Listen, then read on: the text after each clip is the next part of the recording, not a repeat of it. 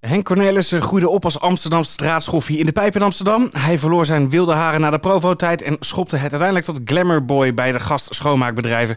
Hij schreef er een boek over, getiteld Glamour en Intriges. Het eerste exemplaar is op 2 september uitgereikt aan Jacco Vonhoff, voorzitter van MKB Nederland. Clean Totaal Podcast. Podcast. Dames en heren, dit is een nieuwe editie van de Clean Totaal podcast. En vandaag hebben we het niet over de dagelijkse ontwikkelingen. Nee, vandaag blikken we vooral terug. Terug op de schoonmaak aan de hand van het zojuist verschenen boek van Henk Cornelissen. Gewaardeerd in schoonmaakland door hetgeen hij bereikt heeft... en door mij enorm gewaardeerd door zijn bijdragers in het vakblad Clean Totaal. Nou Henk, daar zitten we dan in eh, Den Haag. Ja, prachtig. Prachtig. Ja, prachtige locatie in de Malitoren waar VNO-NCW huisvest. Vanaf hier kunnen we Scheveningen zien liggen. Zien we de schepen zelfs uh, ja, in de zee liggen voor anker. Ja, jij hebt het boek voor de eerste keer gezien. Dat, is, dat lijkt me ook een heel apart gevoel. Ik bedoel, je hebt het geschreven. Uh, het is eigenlijk in druk gegaan. En uh, ja, Jacco had het boek eerder vast dan jij. Ja, dat was heel bijzonder. Ik, uh, en ik heb er net stiekem ook even door, uh, doorheen gebladerd. Uh, ik moet zeggen, het, het formaat viel me alleszins mee. Vond, vond ik mooi. Ik vond het lettertype mooi, duidelijk, duidelijk leesbaar. ja, ook de, de, de cover. En ik, ik, was er toch wel een beetje trots op, eerlijk gezegd. Ja, toch wel hè? Ja, toch wel stiekem. ja. Hoeveel werk heeft erin gezeten? Ja, hier ben je toch wel een, een paar maanden mee bezig. omdat het de kunst is ook om verhalen weg te laten. Ik, heb, ik, heb, het geschreven dat het, dat het goed leesbaar is voor een grotere doelgroep. Uh, zowel voor opdrachtgevers, maar ook voor de schoonmakers zelf moet het interessant zijn.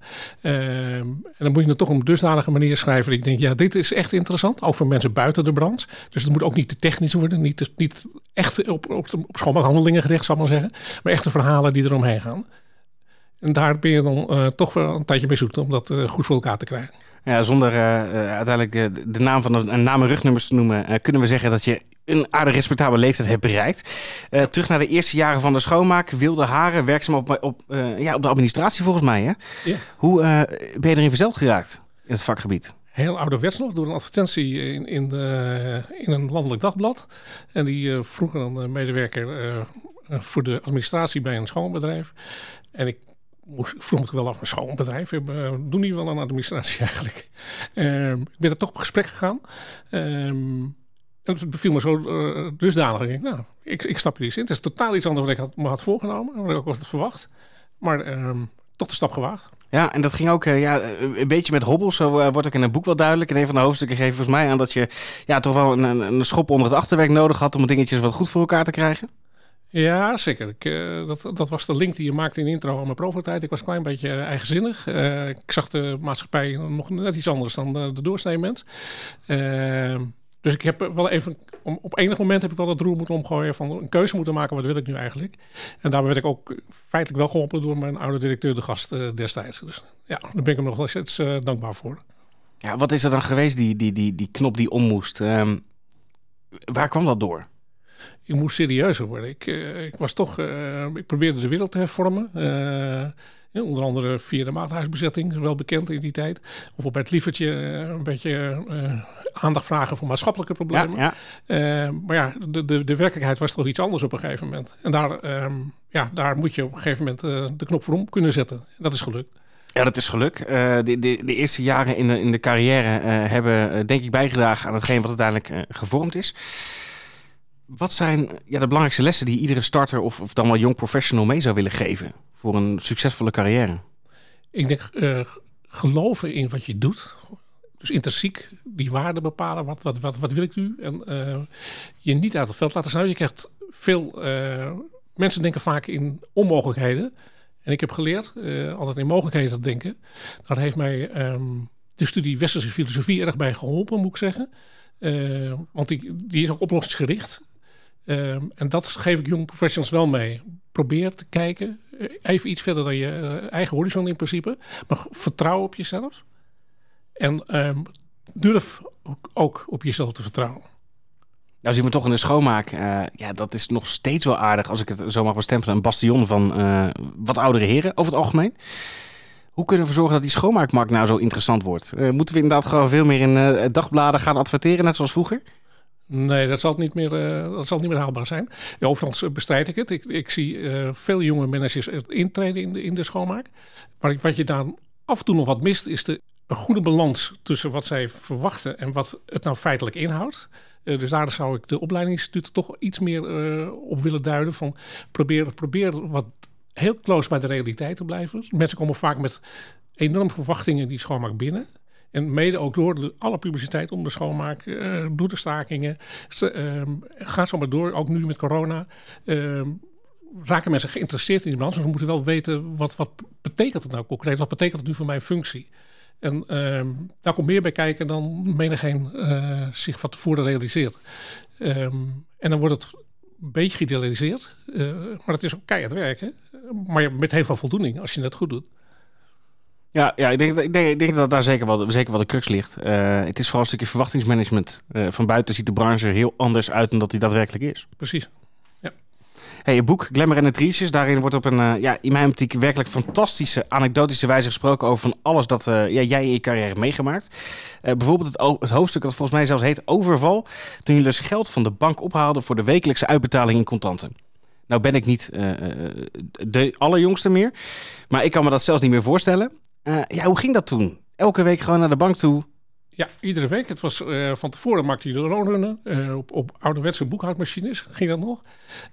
daar kwam op een gegeven moment dan, na alles ingeklopt hebben, een totaal uitrollen. Dat werd weer gespecificeerd in coupures en munten, want er gingen ook nog muntjes in tot, zeker, tot een zekere periode. Um, dan moest je wekelijks naar de bank met je koffertje daar dat cashbedrag ophalen. Je ging dan in een afgesloten ruimte met drie, drie of vier mensen van de loonadministratie alle loonzakjes vullen. En dan moest het uiteindelijk kloppen. En dan kwam je, later, kwam je het einde gulden tekort. Dan moest je al die zakjes weer controleren. Dan wil een gulden over, dan kwam een gulden tekort. Dus dat waren die zakjes niet goed gevuld. Nee, vrij intensief, foutgevoelig dus. En één keer uh, ging het dus uh, uh, ja, vrij erg mis toen jullie overvallen zijn. ja, voor de deur van het schoonmaakbedrijf. Als voor de deur, ja, een motor met twee gehelmde mensen, die, waarvan er één pistool op mijn hoofd zette. En de ander vanuit de motor het pistool op mijn, op mijn buik richtte. Uh, ik kon toen, maar als, ik ga niet te veel verraden uit het boek uiteraard, maar ik kon toen wel wegspringen en achter een auto gaan liggen. En uh, nou, lees verder maar hoe dat is afgelopen. Ja, kwam dat vaak voor? Want dit was een van de eerste keren dat ik, dat ik er zo uh, mee in aanraking kwam toen ik het hoofdstuk zelf las. Het is mij twee keer gebeurd. Ja. Eén keer is het voorkomen op, op de nauwe nood. en één keer is concreet, heeft het dan concreet plaatsgevonden. Ja. Werd er stilgestaan bij het risico? Nee. Nooit? Nooit. Het was gewoon, uh, ja, the, way we did things. Dat was het eigenlijk. Hè? Het, het, ging zo, dus iedereen deed het zo. Heel bijzonder. En het, het, grappige was ook na de eerste keer, want uh, je leerde er wel van, laat ik dat uh, anders uitdrukken. Want, we gingen ook vaak met dezelfde auto. Dus da daarna wisselden we per week van auto's. En die huurden we dan bij een maatschappij die buiten op een parkeerterrein de auto neerzette met de sleutel op de rechtervoorband. Dan wist je ook welke auto, je wist het merk, maar daar kon je dan de auto mee ophalen. Wat mij dan wel weer opvallend vind, het was toch best een uitdaging om dit boek dan te schrijven, maar het is niet het eerste boek van jouw hand. Want je bent verantwoordelijk geweest voor de, de, de, de ja, initiatie, oprichting van de dagschool voor schoonmakers. het heb een aantal cursusboeken geschreven, maar die dagschool is nooit echt een succes geworden, toch? Nou, de dagschool op zich is wel een succes geworden. Dat is een breed misverstand, denk ik. Uh, het is alleen um, op een gegeven moment is de, zijn er andere instanties mee aan, aan de haal gegaan. Um, en die hebben dat verder niet doorontwikkeld. Maar de eerste cursussen, ik zie het nog voor me, waren uiterst succesvol. En je, wil niet half weten hoe, hoe blije mensen ik gezien heb. Die voor het eerst van hun leven echt een diploma halen. Kinderen die erbij waren om dat te vieren. Eh, vrouwen die erbij waren. Dat was buitengewoon uh, fascinerend en uh, mooi om mee te maken. Maar ja, op een gegeven moment, ik had natuurlijk ook een bedrijf. Dus ik, ik kon dat wel optuigen. Maar ik moest dat wel overdragen aan gemeentelijke instellingen. En die hebben het uh, na verloop van tijd toch wat, wat minder serieus opgepakt. Laat ik het daar maar op houden. Ja, ontzettend zonde. Maar hoe... hoe, hoe ehm, hoe ontstaat het? Laten we, laten we beginnen bij het begin. Dagschool voor schoonmakers. Uh, vanuit welk initiatief, vanuit, wel, vanuit welk idee is dat uiteindelijk tot stand gekomen? Tweeërlei. Aan de ene kant was er toen een, een chronisch tekort aan vakbekwame schoonmakers, ook in de fulltime sector. Ehm, andere kant had je wel de opleiding SVS natuurlijk in de, in de schoonmaak, ook een goede opleiding. Maar die was alleen bedoeld voor mensen die al in de schoonmaak werkzaam zijn. Dat bracht mij op het idee. Ik als je kijkt naar de centra vakopleiding voor volwassenen, dan had je bijvoorbeeld een, een, klas timmerman, een klas loodgieter, uh, schilderen, ga zo maar door, maar geen klas schoonmaken. Nou, daar, dat is de oorsprong. Daar, uh, uit die gedachte zijn, we toen uh, met het ministerie gaan praten. Die vonden het een prima idee. We hebben die dagschool, uh, de, de, de, klas schoonmaken ingericht. Moesten mensen echt zes weken lang iedere dag naar school. Van s morgens half acht tot, tot s middags vier uur. Als ze naar de dokter wilden of tandarts, moesten ze van tevoren plannen. Net als in het bedrijfsleven was. Want aan de ene kant leerden ze heel veel over het vak schoonmaken. Aan de andere kant leerden ze ook weer hun sociale vaardigheden. Wat, wat, wat, wat, heb ik nodig om in een bedrijf te kunnen werken? Nou, als mensen na zes weken dat goed gedaan hadden, ze hadden een goed rapport voor, en ze hadden weinig verzuim. En ze hadden de, de, zeg maar alle uh, vaktechnische dingen onder de knie. Dan konden ze een examen doen als ze een examen uh, met goed gevolg uh, aflegden, uh, hadden we met een aantal schoonbedrijven gesproken. Dan krijgen ze ook een baangarantie. En dat werd dan zwaar ook in instantie gesubsidieerd door de overheid. Dus eigenlijk was het ei voor Columbus. En op die manier kwamen er heel veel mensen die kansarm waren, opeens weer, die zagen weer perspectief in een fulltime baan in de schoonmaak. Ja, om dat op te zetten heb jij dus zelf de cursusboeken ontwikkeld. ik kan me zo voorstellen, dat betekent dagen en nachten thuis, ehm, misschien wel met de hand. Ik weet niet welke tijd het was. Het was nog met handschrijven, ja, maar precies. de schriften waren, waren een meter dik. Uh, en dat was inderdaad, omdat ik natuurlijk ook mijn bedrijf had inmiddels, uh, was het nachten doorwerken. Zo erg dat ik soms uh, s'morgens slapend boven mijn bloknoten werd aangetrokken. Oh, oh, oh. Maar ik deed met liefde en ik heb daar ook geen, zelf geen vergoeding voor gevraagd. Er kwamen wel vergoedingen van. Maar die heb ik eh, geschonken aan allerlei goede doelen. Want eh, ik verdiende mijn geld met mijn bedrijf. En ik vond niet dat ik over de rug van mensen die kans aan waren... nog een keer moest verdienen. Dat uh, had ik niet zo'n prettig gevoel bij. Nou, dan was het ei van Columbus. Uiteindelijk is de dagschool uh, door de instanties, zou je kunnen zeggen, een vroege dood gestorven. Hoe zit het met die andere dagscholen? Hebben die wel voortgang gevonden of zijn die uiteindelijk ook, uh, ja, die door de jaren gesmoord? maar die is op een gegeven moment ook blootgedoet. Doodgebloed, sorry. Doodgebloed, ja. ja. Uh, wat ik leuk vind in het boek, het, biedt zowel een kijkje als uh, op de samenleving Nederland door de jaren heen, als op het schoonmaakvak, maar ook de persoonlijke carrière. Uh, zo worden er verschillende trippers naar het buitenland gemaakt. Ben je genoemd als Mr. Condom. Fantastisch verhaal, lees dat hoofdstuk vooral. Um, maar je bent ook in Kuwait Koeweit geweest. Uh, mijn hoofd, hoofdstuk 30. Uh, en dat verhaal, ja, daar gaan mijn nekharen van overeind staan. Um, en dan wil ik je toch vragen om dat verhaal uh, hier vooral met ons te delen. Omdat ja, wat daar gebeurd is, dat, dat, ja, dat tart eigenlijk alle verwachtingen. Ja, dat is heel bijzonder. we waren uitgenodigd door een bedrijf uit, uit Koeweit om daar te komen praten over de schoonmaak van een aantal ziekenhuizen. het bestaande bedrijf was een Engels bedrijf, ik meen dat het Amerikaans of Engels, Pritchard. Die voldeed niet meer aan de, aan de voorwaarden die, uh, die uh, de opdrachtgever graag wilde. En dat had met name te maken met uh, het feit dat... kijk, in Koevoort zijn er een aantal dingen. Je, moet, je bent verantwoordelijk dat je mensen salaris betaalt. De hoogte was niet bepaald. Je moest zorgen dat ze huisvesting hadden. En je moest zorgen dat ze te eten hadden. Nou, vooraf wel onderzocht, is het een betrouwbaar bedrijf? Wat vindt onze ministeries ervan? Uh, nou, die vonden het allemaal een, go, die gaven allemaal een go. Dus wij naar, uh, ik ben samen met mijn collega Ton Havenkotten, uh, zijn we naar Kuwait gevlogen. ons vliegtuig had een enorme vertraging. Dus aangekomen in Kuwait stonden we daar te wachten op iemand die ons komen halen, maar die stond er niet. toen hadden we gelukkig al wel een mobiele telefoon in die tijd. Dus gebeld met ons, met ons contactpersoon. En die had begrepen dat de chauffeur was weggereden omdat hij dacht dat we niet gearriveerd was, waren. Um, uiteindelijk is er, is er weer een andere contactpersoon gekomen met een mooie auto, wij erin.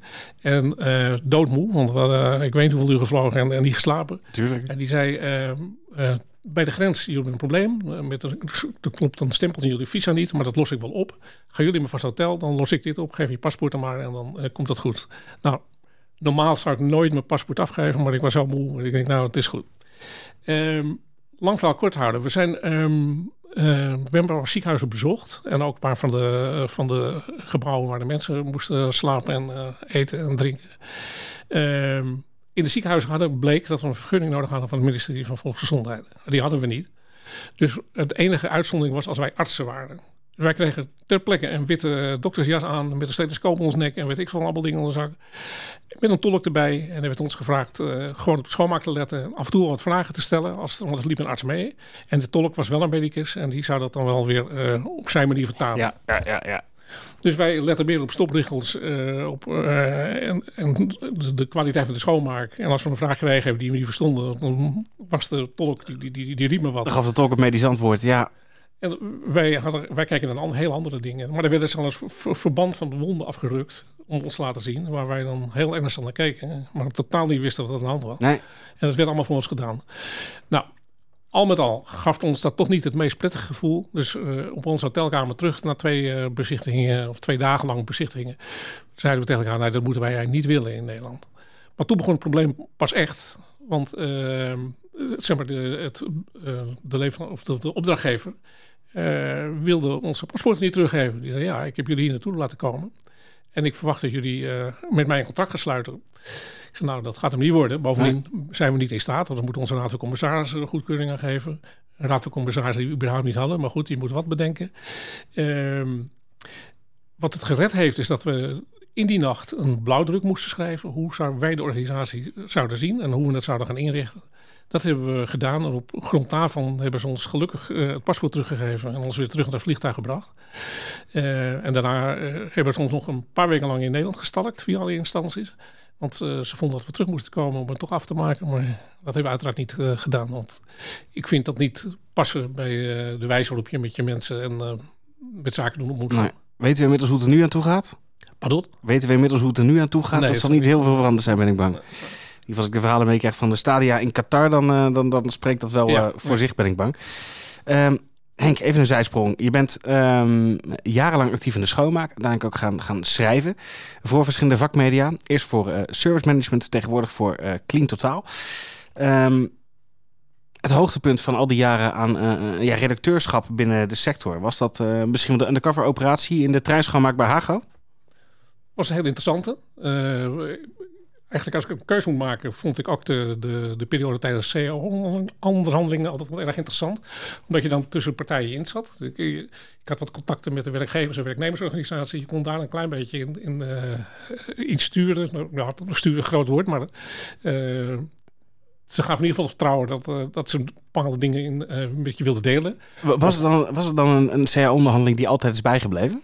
Een bepaald uh, jaar of een bepaalde periode? Ja, de, de, de meest recente waar de stakingen plaatsvonden, waar met name het FNV natuurlijk op een andere manier de, de discussie aanging. Ja. Uh, waar we toen Ron Meijer nog hadden als uh, tegenstrever. Sympathieke man buiten de onderhandelingen, maar erin haarscherp. En die wist he, feilloos social media te gebruiken. Die wist ook feilloos, probeerde die althans mij te gebruiken om de werkgevers onder druk te houden. Maar dat, uh, en als je dat niet, uh, niet uh, aan tegemoet kwam, dan werd hij altijd een beetje narrig. Ja, ja, ja, ja. Maar goed, dat kon je ook over de hebben als je hem vertelde. Dus, um, ja, en die, die undercover operatie vond ik buitengewoon boeiend om te doen. Omdat je een goede inkijk kreeg. Hoe, wat komt er echt kijken bij die trein schoonmaken? En ik moet zeggen, ik, ik petje af voor die mensen die, die dat dagelijks doen. Uh, alleen het gebrek aan mijn uh, ervaring, ik mag er wel over schrijven, maar ik kan schoonmaken zelf doe ik niet zo goed kennelijk. Uh, viel ik al snel door de mand bij ja. mijn geachte collega schoonmakers. ja, dit is een fantastisch verhaal voor, voor de mensen die het niet weten. Het is denkperiode 2012, 2014. Ja. om en bij die tijd dat Henk Cornelis undercover ging bij Hago Rail Services, omdat er nogal in de verschillende media, ook landelijk, het een en ander gezegd werd over de kwaliteit en de druk, werkdruk van de treinschoonmakers in Nederland. Dus uh, samen met Hago Rail Services en uh, toenmalig um, eigenaar van Clean Koos van der Leij, besloten dat Henk Cornelissen daarin in mee mocht draaien als extra lid. Dus een spoedcursus veiligheid en schoonmaak gehad, denk ik. Ja, op de rails. Veiligheid op de rails. Je moest aan allerlei criteria voldoen. Je moest allemaal reglementen doorlezen. We moesten ook, er liggen helemaal hesjes aan, schoen, schoeisel aan, helm op, geloof ik. Als we buiten de trein stonden. Ja. Maar vooral die cursus moesten we eerst doorstaan. Ja, en nu ben je gelukkig niet als, uh, als vervangend lid, maar als extra lid op bij een, uh, bij een ploeg bijgezet. En uh, ja, na hoeveel uur viel je door de mand? Na een uur. Na een uur. dus van een acht uurige werkdag na een uur viel Henk door de mand. moest je eigenlijk met de billen bloot. Joh, ik ben een journalist. Ja. Uh, ja, hoe werd erop gereageerd? Heel uh, eerst wat aarzelend. Uh, mm. En toen vroegen ze wat de insteek zou worden van het gesprek. ook van het interview. En wat, ik, wat ik eigenlijk wilde gaan schrijven. Ja, toen kreeg ik meteen bijval. Van lieve Lee ontstonden eigenlijk een hele mooie gesprekken. Ook hoe trots ze waren op hun vak. En dat allemaal wel meeviel met die werkdruk. Dat ze het ook moeten roepen voor de buren af en toe. Het, het, het, was, het was, echt hartverwarmend. Ik heb het acht uur wel volgemaakt overigens. Want ik ben wel gebleven tot de volgende morgen. Ik ben niet na het interview gelijk opgestapt. En dat vonden zij weer leuk. En ik heb nog geholpen uh, met... met uh, op mijn manier een beetje assisteren bij de schoonmaak. maar ik, ik, voelde me meer een staande weg dan ik echt uh, een inbreng had. Dus ja, dat was, ik moet zeggen, was hartverwarmend. En, ja, in, in hetzelfde vaart maar goed, dan ga ik te veel van het boek vertellen. Was ook het bezoek bij Nederland zelf al indrukwekkend. Ja, ja fantastische foto's. Staat ook, uh, in het boek zit ook een fotokartet met allerlei foto's waar uh, volgens mij prachtig op plaats staat met uh, Klaas-Jan Huntelaar. Ja. Een van de Nederlandse grootste spitsen, als ik dat toch wel zo mag zeggen. Ook al ben ik, is Ajax niet mijn clubje. En vind ik het toch jammer dat hij nooit voor mijn club gespeeld heeft. maar wat je zegt, die, die verhalen uit de trein, hartverwarmend. Ehm, is, is dat wat die schoonmaak misschien wel zo mooi maakt? Omdat het een mensenbranches. Voor mensen, met mensen, door mensen. Iedereen heeft een eigen verhaal. Bijna niemand kiest er bewust voor om in die schoonmaak te gaan. Uh, en, dat je daardoor zoveel uh, ja, pareltjes van verhalen hebt in die sector. Ja, dat, dat is voor mij de, de aantrekkingskracht met de branche. Het, gaat om de mensen achter het product. Uh, de, warmte die je krijgt, de openhartigheid. Mensen zijn heel open, kunnen, als ze tenminste ook open tegemoet treden. Ja, het is geven en nemen. Dat is het hele leven trouwens. En er wordt vaak wat anders beweerd. Van je moet Marokkanen niet bij Turken zetten en weet ik veel wat. Maar het is allemaal onzin. Het zijn echt collega's. En, en ze werken echt uh, met elkaar voor het einddoel. Dat is een goed product te leveren. En daar uh, petje af. Ja, je zou bijna zeggen, je hebt er respect voor. Uh, dat is waar het laatste hoofdstuk om draait. Respect. Uh, respect voor het vakgebied, voor de branche. Uh, ja, je, gaf, je geeft aan vakbonden, werkgeversorganisaties. maar er is ook heel duidelijk respect voor die schoonmakers. Die duizenden boeners van Nederland. Ja. waarom genieten zij zoveel respect volgens jou? In het verleden kenmerkte de schoonmaak zich vooral in, ehm, toen mensen erop attenderen wat ze niet goed deden. In plaats van respect te tonen voor wat ze wel goed deden. Ik denk dat de kern is. Ehm, en daar dag in dag uit. Ik, ik heb fabrieken gezien. Daar, daar liepen mensen de, de, de vloer schoon te maken. En je draait je om en de poeder die viel er op de grond. Denk ik, ik kan me ook voorstellen dat die mensen ook een hard gelach is. Want je ziet ze trots kijken. Hé, hey, dat heb ik mooi schoongemaakt. Je draait je om en dan ligt de volgende poeder ligt er op de grond. Dat moet je wel kunnen. En, en, ja, en zo kan ik talloze voorbeelden, voorbeelden noemen. Ook in het boek komen een aantal voorbeelden aan waar, waar mensen ehm, toch op een, op een bepaalde manier bejegend worden die, die geen recht doet aan datgene zij presteren. Ja, ik, uh, ik ben trots op uh, de schoonmaak. En Daarom zit ik ook zo lang in. Ja, en terecht. Uh, ik ben vooral benieuwd, wat, zou, wat is jouw, jouw, toekomstvisie dan? Hoe gaan wij ervoor zorgen, wat is jouw mening, hoe we ervoor zorgen dat dat respect alsmaar groter wordt en dat men als gelijkwaardig wordt behandeld? Want we weten uit ervaring dat het gewoon nog steeds niet altijd zo is. Nou, waar ik, waar ik zelf uh, veel, uh, veel goede gevoelens bij heb, is het feit dat schoonmakers steeds meer taken zullen gaan doen. Niet alleen het schoonmakers, zullen nog een essentiëler onderdeel gaan vormen van een bedrijfsvoering. Ja. Dus daar, uh, en daar, um, daar heb ik goede hoop op dat dat ook bijdraagt aan het respect. Overigens, respect wordt nu getoond tijdens corona. Maar als corona afgelopen is, dan ben ik bang dat we weer terugvallen. Dan worden de helden. Ik heb het wel een held mag geen slamiel worden in het leven. Ja. Uh, je ziet nu al de beweging, ook van de regering. Hoe gaan we om met die bonus voor die schoonmakers? Is dat nou echt voor alle schoonmakers? Dan ja, ook weer in oktober moet het uh, bekend gaan worden. Ik ja. kijk rijkhalsend uit naar jouw volgende artikel op Klintotaal. Want je zou zeggen, binnen nu en vier weken moet de duidelijkheid zijn. Ja, maar als je dan onder de, de voorbeschouwing ziet en dat daar ook alweer gedraaid en gemanoeuvreerd mm wordt, vind ik, vind ik dat zo jammer. Ik denk, hou dat nu eens vast. Je, je ziet het ook naar, uh, naar de stakingen van een paar jaar geleden. Op het moment dat er gestaken met de treinen en de perronnen zijn overvol. Iedereen had zijn mond vol van schoonmaak is belangrijk, hou de economie draaiende. Een half jaar daarna hoorde je er niemand meer over. Dan werd de schoonmaker weer gezien als uh, ja, een onderlaag van de maatschappij om, om het heel onerbiedig uit te drukken. Wat dat absoluut niet is. Dus ja, ik, ik geloof heilig in uh, de differentiatie, meer, meer taken. Dat het ook bijdraagt tot, nog hoger, hoger respect. Nog hoger respect hoop ik dan we nu tonen voor, de, voor deze doelgroep. Ja, en dan lijkt het me logisch dat de schoonmaakmarkt dus veel meer integrated gaat worden ik denk dat het een onomkombaar proces is met de, met de leegstand van allerlei kantoorgebouwen momenteel. Uh, ja, we, we, zitten er nu meer in. Ja. Ik, ik vind dit heel fascinerend. Want zoals jij misschien weet werken wij uh, zoveel als mogelijk op kantoor. Want wij zitten in, in, in Dronten in een vrij ruim opgezette locatie. Dus dan kan dat ook. Uh, en je hoort, de, je hoort de verhalen dan uit de Randstad waar we nu dan zitten. Maar ik, ik zit hier fascinerend te kijken dat hier eigenlijk ja, niemand is. Als je s'avonds door de Zuidas rijdt. Alle advocatenkantoren, notariskantoren, banken de helft van de, van, van de verlichting brandt niet meer. Dat is, het lijkt wel spooksteden aan het worden. Ja, je zou het eigenlijk moeten filmen. Want misschien zie je dan dus die ene schoonmaker. Nog gaat daar het lampje aan die verdieping. Die al die kamertjes doorgaat. Ja. Toch te weinig respect, hè? Staat er te weinig bij stil? Misschien is dat niet, het wel. Laat, laat, laat, ik het niet genoeg respect maar noemen. Laten we ook respecteren dat, dat er wel een, een beweging op gang komt om wat meer. Dus ik wil het niet te negatief afsluiten, uh, maar er mag meer respect komen. Laat ik het daarop houden. Eerste stappen zijn gezet en ik ben ervan overtuigd dat dit prachtige boek Glamour en Intriges daar uh, ja, aan zal bijdragen. Ik hoop het van harte. Henk, dankjewel voor het prachtige boek. Dank je zeer. Jullie ook.